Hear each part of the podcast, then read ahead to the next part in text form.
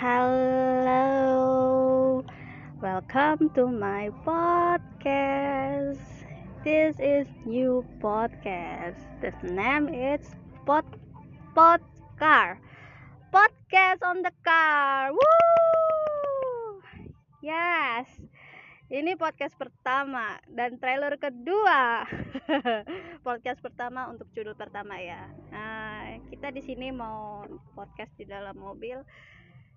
Hmm, mungkin oh, gua di sini pot apa dalam mobil dan kita berkencengkrama sepanjang perjalanan. Oke, tenang, gue pakai masker kok. Ya, meski agak kontroversi di tengah pandemi ini tapi tenang gue pasang kok santai tau juga gue sendirian di mobil oke untuk pertama kita hidupin dulu ya mobil karena kita akan segera pulang dan ini jam 4 sore di hari Kamis hari Kamis tanggal berapa sih nih tanggal 22 April Oke, selamat hari Kartini yang kemarin merayakan. gue telat ya. Iya. Oh iya. Satu hal, ini tanggal 22 April di bulan puasa dan tepatnya di 10 Ramadan, hari ke-10 10 Ramadan. Dan gue mau ngerayain hari lahir gue sebagai orang Islam. Ye. Gue udah nambah tua. tua gue cok astaga ya udahlah ya kita hidupin dulu mobilnya dan kita akan berangkat stay tune oke kita hidupin dulu terus ya siap-siap aja dulu persiapan hmm, karena mana ya? Diffuser gua. Oh ini.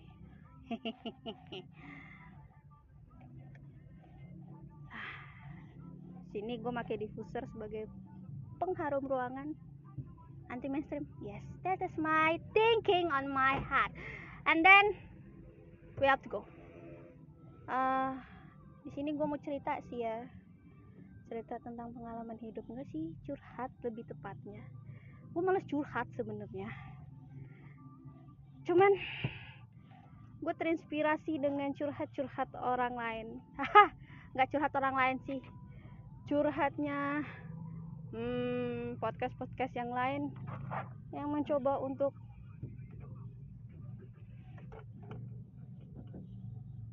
ah, ntar dulu aku mau nyebrang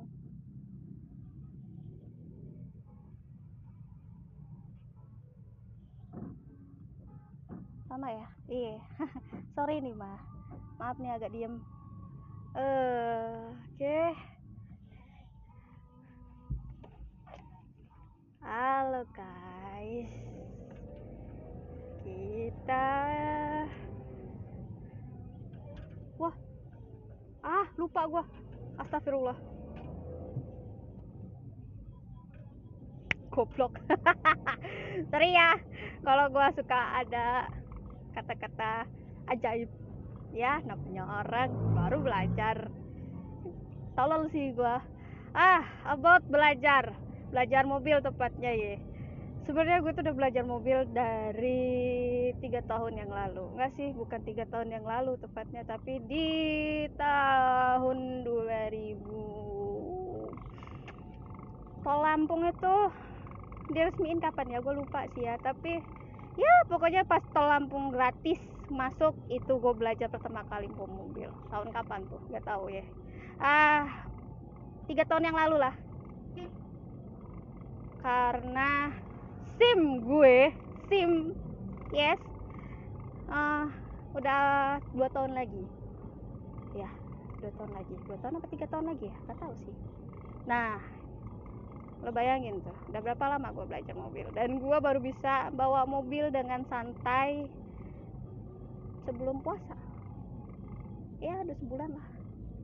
Itu pun karena itu pun ada something problem dulu sebelum gue bawa. Ya namanya orang baru belajar lah ya wajar. Hari ini hari Kamis malam Jumat. Ayo siapa yang mau sunahan jangan sunahan ya. Kalau bisa terawih dulu baru sunahan. Oke. Nah males gua. Ngalah. Oke. Namanya cewek ya kalau bawa mobil pasti gitu. Nggak pernah mau ngalah. Emang dong. Cewek.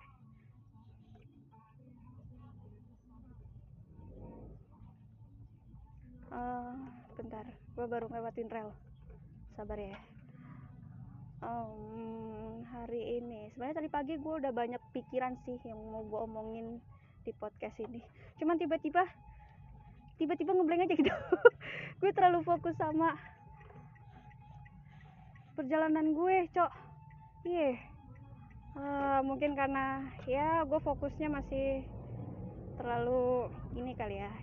Oke. Okay apa ya mau gue ceritain? Nggak tahu sih. Tapi tadi pagi itu ada aja intisari yang mau gue bicarakan. Cuman nggak tahu kenapa sore ini kayak hilang aja gitu. Tah ah mungkin karena capek kali ya sore.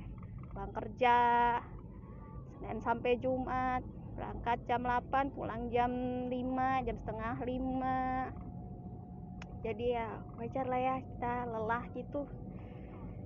Tapi ya rutinitas rutinitas hari-hari di umur 26 tahun. Kalau di tahun Islam itu 27 tahun dan itu rutinitas orang dewasa yang seharusnya.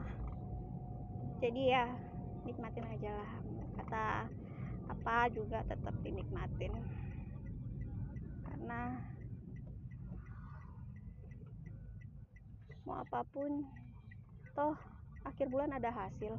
Gaji. Apalagi bulan ini. Gaji double belum lebaran THR keluar.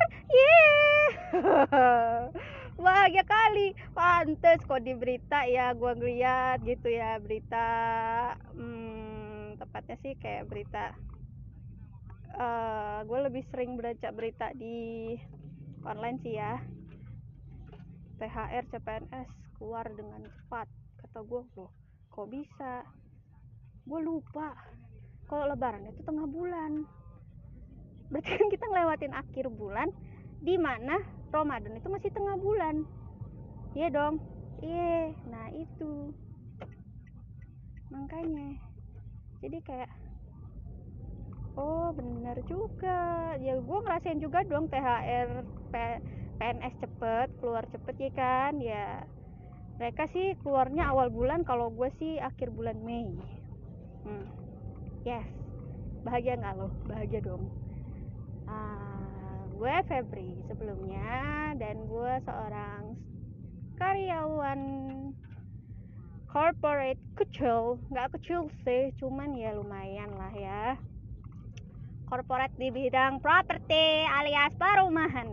Orang kalau orang nanya ke gue gitu kerja apa Tuti udah kerja apa? Nama gue Febriana Dias Tuti. Kalau di rumah panggilnya Tuti karena kebiasaan lo tahu kan kalau zaman dulu masa kecil ya untuk yang anak kecil zaman dulu kelahiran 90 95 ya. Pasti nama belakang nama belakang itu jadi nama rumah atau nama SD. Karena kebiasaan di rumah manggilnya itu. Tapi kalau di sekolah pasti pakai nama depan gak tau kalau anak sekarang ya gue nggak ngerti nah orang kalau nanya gue gitu kerja di mana sekarang?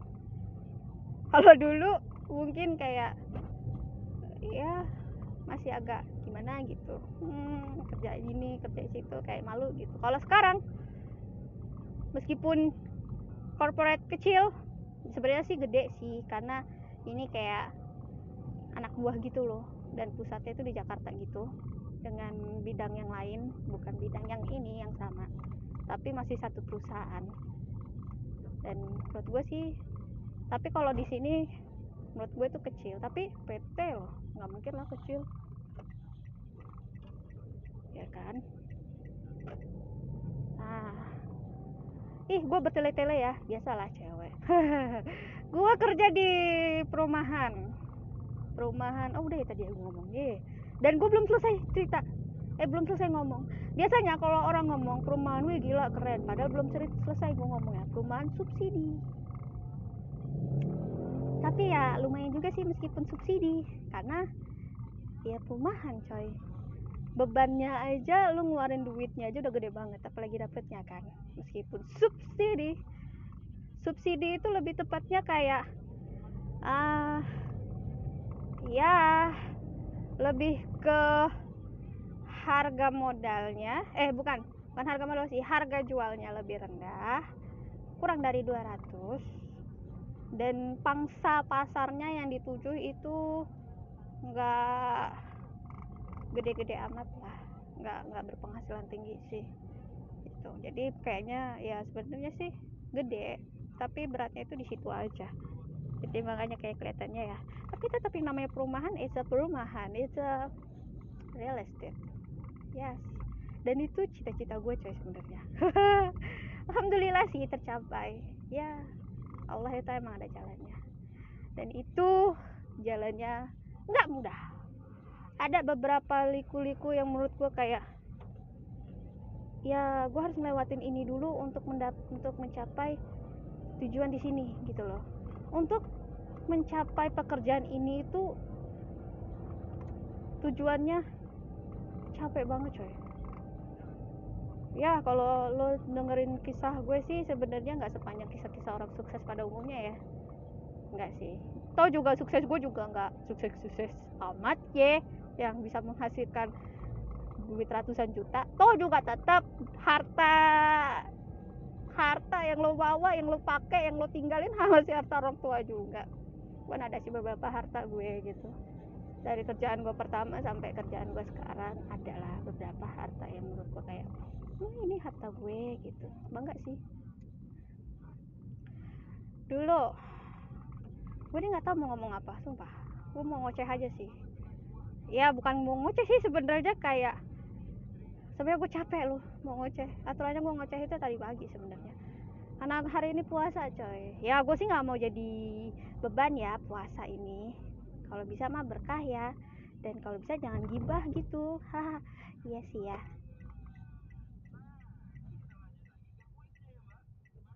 Oke. Ada mobil belok depan gue. Mobil gede coy. Hah. Ini sombong banget sih gue. Ya ampun. Padahal dulu gue gak pernah kayak gitu sumpah. Gue mau mamerin harta aja rasanya. Bahkan jangan jangan nama mamerin harta. Gue anaknya siapa aja gue malu coy. Bener gue mau ngasih tahu nih kami ini anaknya siapa? Ke orang tua. Biasanya kan orang tua nanyain kan orang tua orang tua gitu bude bude pak de gitu kan. Oh om tante. Kamu ini anaknya siapa? Gue menyebut nama bapak gue aja gue males. Karena apa ya? Ya gue nggak biasa aja gitu ngenalin diri gue sebagai seorang siapa gitu. Gue ngenalin diri gue kepada seseorang yang atau teman itu ya ini gue ini Tuti ini Febri orangnya kayak gini nakal cicilan dulu. Sekarang ya masih cicilan juga. Bahkan bawa kendaraan pun masih kayak setan. Termasuk kayak ini si roda empat. Oke kita kena lampu merah coy. Uh, tadi itu tadi pagi itu gue pengen ngobrolin soal banyak hal. Tapi entah kenapa karena mungkin karena efek capek ya lo tahu kan gue orangnya nggak ada yang kalian nggak tahu kali ini pertama ya. Kalian emang ada yang mau denger? Nggak tahu sih ada yang denger atau enggak uh, wah udah 13 menit aja. Perjalanan kita ya? Oke mau 14 menit coy. Nggak kerasa. Udah lama banget gue bawa mobil. Ya wajar lah baru pertama. Maafin ini mah ya. Uh, hari ini nggak tahu sih mau ke mana. Mungkin ya besok kali ya ada tema pembicaraan uh, memang gue nggak mau curhat benar. Yang pertama kali gue omongin gue emang nggak mau curhat karena gue capek curhat sama orang. Curhat sana sini ngomongin sana sini nggak taunya apa kayak what the fuck yes.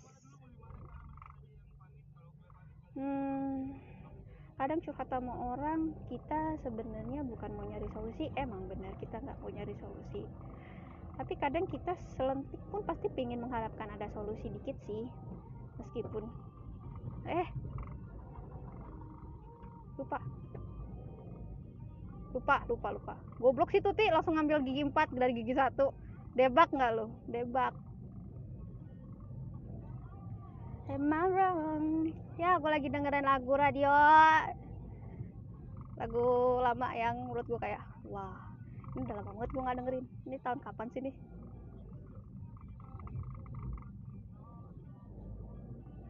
Oke. Maaf ya kalau tiba-tiba gue diem gitu. Gue kadang suka fokus banget siapa kalau udah capek banget coy. Sebenarnya sih gue nggak ngapa-ngapain ya di kantor sumpah. Gue sering ditinggal. Kadang seharian itu gue cuma nonton doang. Mungkin karena efek nggak ada asupan kali ya seharian ini. Jadi kayak ya makin capek aja gitu. Apalagi kalau gue bawa motor dulu. Anjir gila capek banget badan gue ya gue berterima kasih lah pada orang tua gue yang sungguh sangat sayang pada anaknya yang merasa kasihan dengan anaknya kalau setiap pulang kalau enggak silawan capek atau kehujanan. Lebih tepatnya sih kasihan karena gue kehujanan terus setiap pulang sore. Wow sesimpel itu ya. Nggak sih? Nggak sih?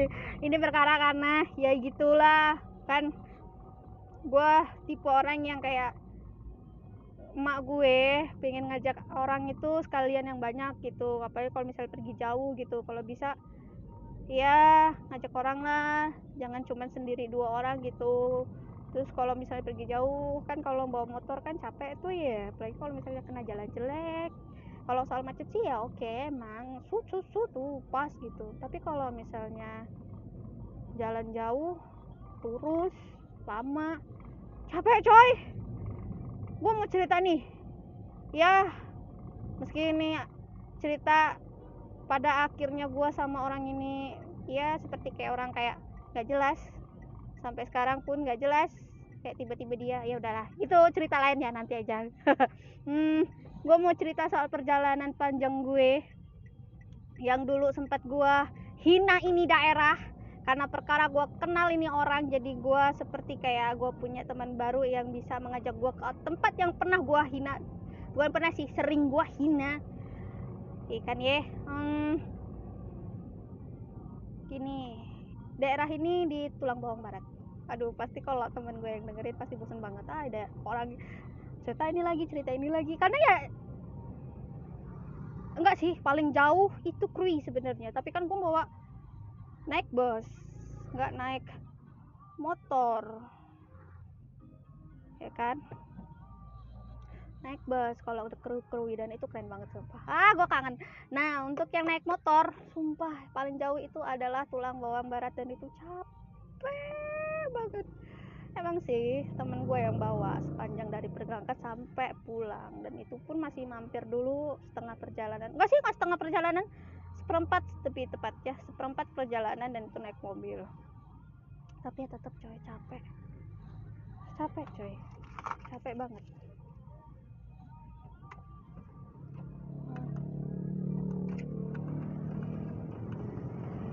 Capek banget emang. Tapi ya skip dulu ya bentar. Aku mau muter balik dulu. Aku takut gak pok kan mati fokus coy sabar ya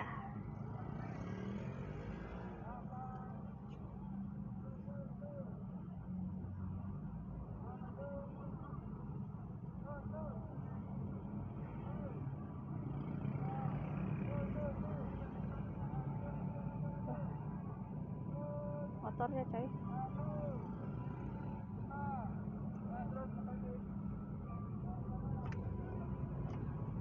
oke Gila rame banget hari ini dan untungnya. Terima kasih Pak Oga sebutannya. Tanpa dia gue yang masih belajar ini mungkin gak akan maju-maju. Atau mungkin kayak seperti jalang. Asal terabas tidak peduli itu mobil siapa. Ya, maaf ya gue masih gratisan ini. Kalau misalnya ada apa-apa ya udah sih tinggal klaim aja. Wih sombong tuti. Sombong banget. Ih biarin lah ya. Namanya punya orang tua masa nggak boleh sombong eh yang punya orang tua punya sendiri baru sombong. Ya maaf lah ya. Tapi gue juga nggak nyusahin orang tua tenang aja. Ah balik lagi ke cerita gue yang tentang perjalanan gue paling jauh naik motor itu di tulang bawang barat bersama temen kerja gue dan kita sama-sama baru masuk di kantor yang sama. Nah dia ini ceritanya ngajakin gue udah tiga kali sih ngajakin ya. Pertama gue tolak karena jauh dua gue tolak lagi karena gue mikir hmm, gue belum siap nih ketemu sama orang tuanya gue takut. Yang kedua eh pertama bukan. Iya yang pertama jauh. Karena kan ya otomatis kan gue nggak boleh nginep tuh. Nah yang kedua yang ketiga yang kedua itu gue nggak gua nggak siap ketemu orang tuanya ya you know lah berarti gender gender orang ini apa ya kan? Ya yeah. kalau gue udah ngomong nggak siap ketemu orang tuanya. Meskipun cuma temen doang. Udahlah nah terus yang ketiga karena gue nggak enak dan diajak tiga kali dan andaikan gue nolak pun akhirnya kayak iko nggak ilok banget ya? Kok ngajak tiga kali terus gue tolak tiga kali gitu kan. Bangetan gitulah ya orang. Lagi lo seorang yang bersuku halus iya kan? Kalau di antara suku-suku yang lain lu bersuku halus ya lu tau lah suku apa ya. Hmm akhirnya gue terima. Oke okay, fine. Dan dia menjanjikan untuk tidak nginep. Dan beneran gak nginep coy. Edan gak nginep gila. Wah parah anjir. Seharian dari jam 7 berangkat pulang jam 9 malam nyampe rumah. What the fuck? Gila parah. Ya emang sih berangkat jam 7 ya berangkat jam 7 dari rumah. Jam 7 jam 8 lah. Jam 8 lebih tepatnya. Jam 8 berangkat dari rumah. Udah tuh pamit. Makan dulu lah sarapan bentar. Oke. Habis itu berangkat kita. Uh lumayan jauh sih. Dan itu kita berhenti berhenti dulu sih. Pertama berhenti karena hampir kena stop polisi di daerah bandara. Mungkin yang yang di orang Lampung yang dengar tau lah ya daerah mana ya kan? Nah di daerah bandara itu ada polisi.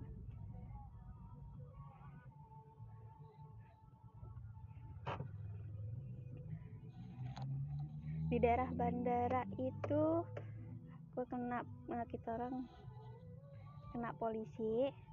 Nah habis itu berhenti lagi di daerah setengah perjalanan dari situ berhenti karena ada sesuatu yang perlu diambil.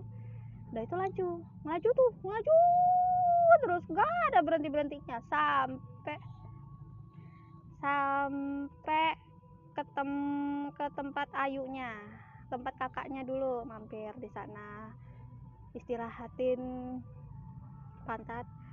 Uh, waktu yang ditempuh dari rumah sampai tempat kakaknya itu tiga jaman tiga jam setengah lah. Iya tiga jam setengah. Tiga jam ya tiga jam setengah. Nah udah itu udah legaan jam sebelasan kita ke rumahnya si bocah ini. Sampai sana ya disambut disuruh makan siang sholat bentar pergi lagi. Pergi kita ke Islamic Centernya di Tulang Bawang Barat sana. Dan itu oh sumpah keren banget sumpah. Dan gue sampai sekarang nggak bisa lupain itu. Keren emang gila sumpah dan ternyata ya seperti yang pengen difoto emang keren. Gitu. Dan selama di Islamic Center itu kita bisa ngasih makan ikan. Ikannya gede-gede coy. Gila parah. Gede-gede dan itu nggak boleh pancing oke. Jam 5 ya? Kalau jam 5 kena macet pasti bodo amat lah gue mau lewat aja. Wah gila macet. Macet coy macet macet macet. Oke. Okay. nah udah sampai di Islamic Center kita pulang jam 2 jam 2an siang itu pulang ke rumah sih teman gue ini. Udah pulang dan kita cuma nganter oh ya kita ke Islamic Center itu nggak berdua kita berempat dan itu naik mobil. Naik mobil kakaknya kita berempat ponakan dia ibunya dia dan gue. Ke Islamic Center tuh. Dari jam habis zuhur pokoknya. Habis zuhur sampai jam 2 karena ya cuma lihat-lihat aja. Habis ngasih makan ikan udah selesai. Jam 2 jam setengah tiga lah.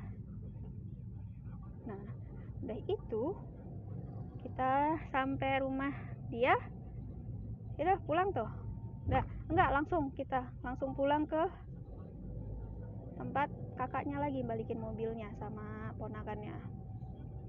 Nah di sana kita tiduran tuh. Tiduran di sana dulu tempat kakaknya dari jam 3 sampai jam 6 kenapa kita baru berangkat jam 6 dan itu malah kayak jam setengah tujuh bukan jam 6 karena habis maghrib baru berangkat? Kan ada something problem with kakaknya di rumah. Hmm, kakaknya ini pun udah menikah dan ditinggal suaminya kerja selama sebulan. Dan setiba-tibanya di rumah kakaknya ini pompanya nggak hidup. Akhirnya kami benerin dulu. Kita renov dulu. Ikan ya mesinnya. Dan itu sampai jam setengah tujuh baru selesai. Jadi tiga waktu tuh ya kita lewatin zuhur asar maghrib. Nah oke kan jam setengah tujuh tuh berangkat. Lu bayangin jam setengah tujuh sampai rumah jam sembilan dan itu perjalanan. Ya Allah gila. Sumpah. Berat banget menurut gue ya. Berat banget dan itu dipaksa banget. Sebenarnya sih gue nggak masalah kalau mau nginep nggak apa-apa kalau mau nginep. Cuman kayak dia kayak udah janji gitu sama keluarga gue dan dia menjanjikan gue kayak jangan nginep gak usah nginep kalau bisa hari ini kita pulang. Gitu. Oke okay, fine. Gue nurut aja lah sama yang bawa kendaraan. Nggak masalah kan ya. Nah itu. Gila tengah jalan hujan anjir. Lu bayangin naik motor hujan. Gak ada yang bawa jas hujan kan tolol. Sumpah aja bego banget. Gak ada yang bawa jas hujan anjir. Dia nggak ada jas hujan dan gue tadinya mau bawa jas hujan gue lupa. Astagfirullahaladzim kan bego banget sumpah sumpah bego banget. Dan sepanjang perjalanan itu kita hujan-hujanan berhenti bentar sih di daerah daerah bandara itu juga.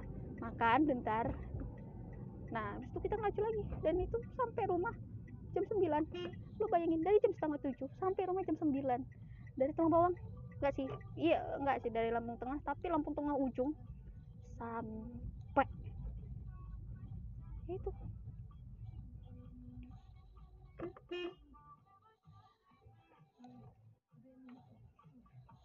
ntar gue mau parkir. Ya sekianlah dari pembicaraan kami. Dan itulah perjalanan panjang gue. Ntar kita mundur dulu. Nunggu emak gue buka pagar. Eh asu lah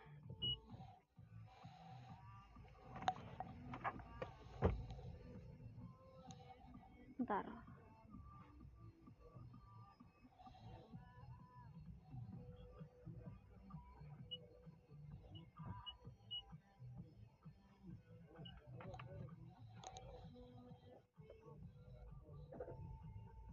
Oke.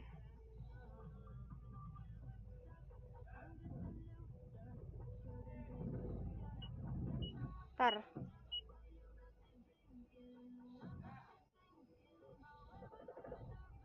Oke, maju terus mundur, mundur, mundur. Oke, fine. Dah. Wih, berisik banget ya. Oke selesai kita dan itu perjalanan gue yang paling jauh di tulang bawang coy 4 jam dari berangkat jam 7 eh jam 8 pagi sampai rumah jam 9 malam keren kan lo yang keren sih pulangnya sih gila maksa banget itu tapi ya seru sih. Itu perjalanan paling jauh. Dan itu pegel banget pantat. Dan ya sudahlah. Oke sekian ceritanya. Gue udah nyampe rumah udah masuk dalam rumah beserta kendaraan-kendaraannya. Dan sampai lagi di perjalanan berikutnya. Kita chit-chat dan temenin gue. Bye. Love you all in podcast podcast on the car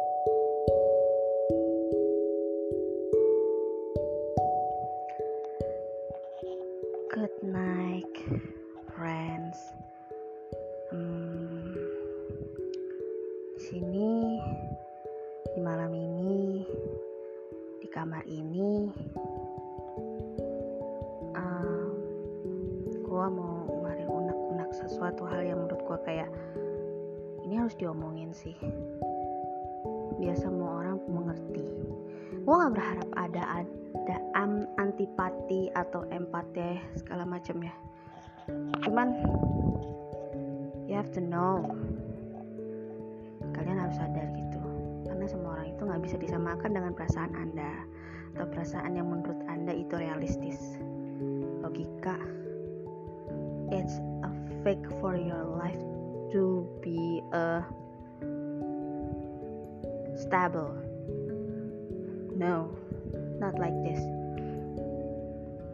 untuk sekarang di tanggal 23 eh no di tanggal berapa sih nih tanggal 24 April tahun 2021 kami betul duka cita atas tenggelamnya kapal KRI Nanggala 402 untuk sanak keluarga yang ditinggalkan atau yang masih berharap mari kita berdoa masing-masing untuk mendapatkan sebuah secercah harapan. Entah itu apa pun harapan itu yang pasti kita harap apa pun itu yang terbaik untuk kami. Meskipun itu buruk sekalipun itulah yang terbaik untuk kita. We hope that. Kadang gini aku suka aneh gitu. Ada orang ada yang berita kayak gini kok ada masih ada orang yang kayak yang masih nyalahin sesuatu hal gitu. Entah itu prosesnya atau subjeknya atau objeknya bahkan untuk saat keadaan pun masih bisa disalahkan. Dan di saat kita untuk menjadi seseorang yang objektif atau kayak hmm, mengikuti suatu hal gitu atau mencoba untuk menetralisir tiba-tiba ada yang menyerang seakan kayak lo itu paham dong itu udah pasti. Hey ah mohon untuk diingatkan satu hal. Kita ini manusia. Sosok yang mungkin sempurna di, di makhluk lain tapi kita belum tentu sempurna di mata tuh di mata yang maha kuasa. Andaikan kita berharap why not? Andaikan kita mencoba untuk berpikir positif why not? Oke lah sekarang gini untuk kasus ini dan untuk kasus-kasus yang lain gue masih mencoba untuk berpikir kayak gue nggak mau terlalu sensi tapi kadang masih ada kritik di diri gue. Tapi gue juga nggak mau terlalu egois karena masih ada rasa sedikit empati di gue. Jadi kita itu manusia itu nggak mungkin seenak jidat kayak lo nggak tahu tuh di berita kayak gitu itu udah pasti kalau lu sebagai orang lain yang nggak berada di posisi orang yang sedang berjuang di sana lu bisa ngomong kayak gitu. Tapi kalau lu sebagai seseorang yang bahkan gini deh nggak usah lah untuk masalah kasus sekarang yang sedang besar yang menurut kita kayak ini belum tentu nih bakal seperti apa hasilnya. Meskipun di berita sudah berbicara kan seperti ini tapi kita masih berharap seperti apa hasilnya.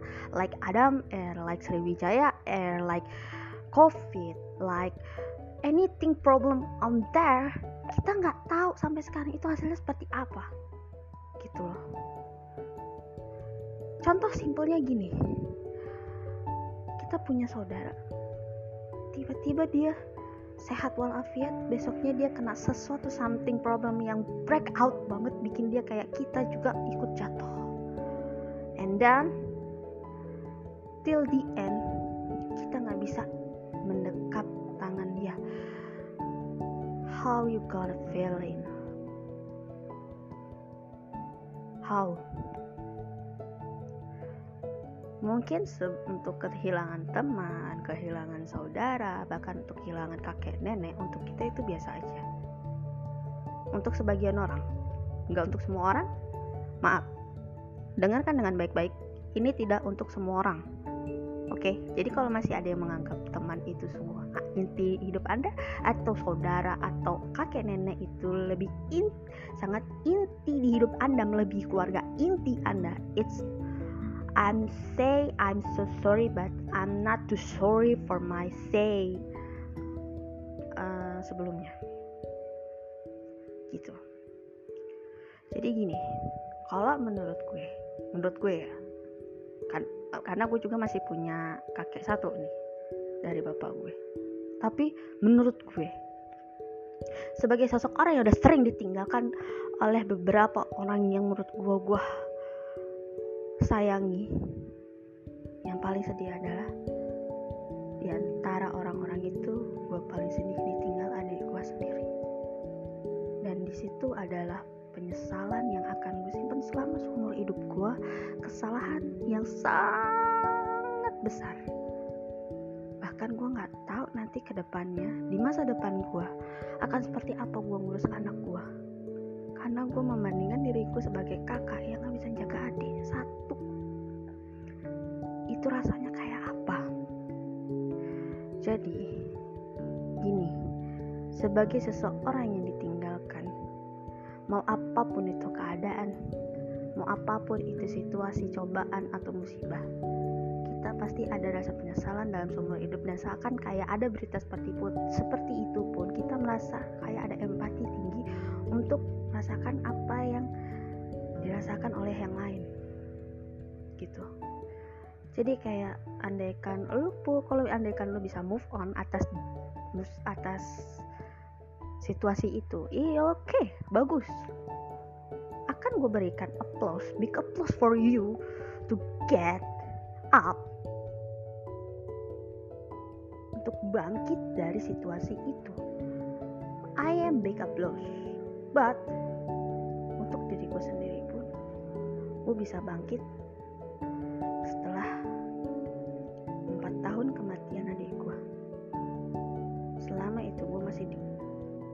dihantuin sih cuman kayak gue ngerasa kayak gue masih ada di sisi dia masih ada di sisi gue dia masih bisa tidur di samping gue.